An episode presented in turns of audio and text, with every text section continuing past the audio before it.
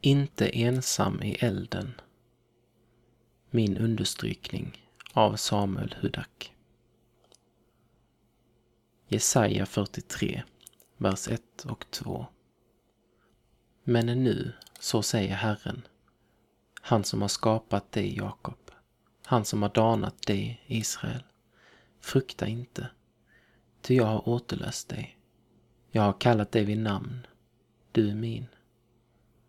Om du än måste gå genom vatten är jag med dig, eller genom strömmar, så skall de inte dränka dig.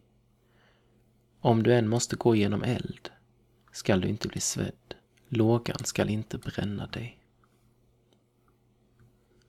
Under större delar av mitt liv har jag känt mig utanför och ensam och jag har aldrig haft något vidare självförtroende.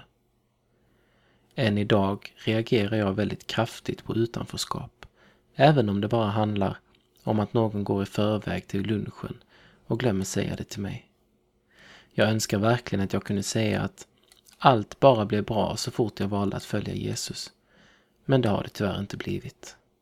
Däremot är detta ett sjukt gött bibelord att tänka på när jag får ensamhetskänslor. Att veta att Gud är med mig när jag bildligt talat går genom eld och att lågan inte kommer att bränna mig är så sjukt gött.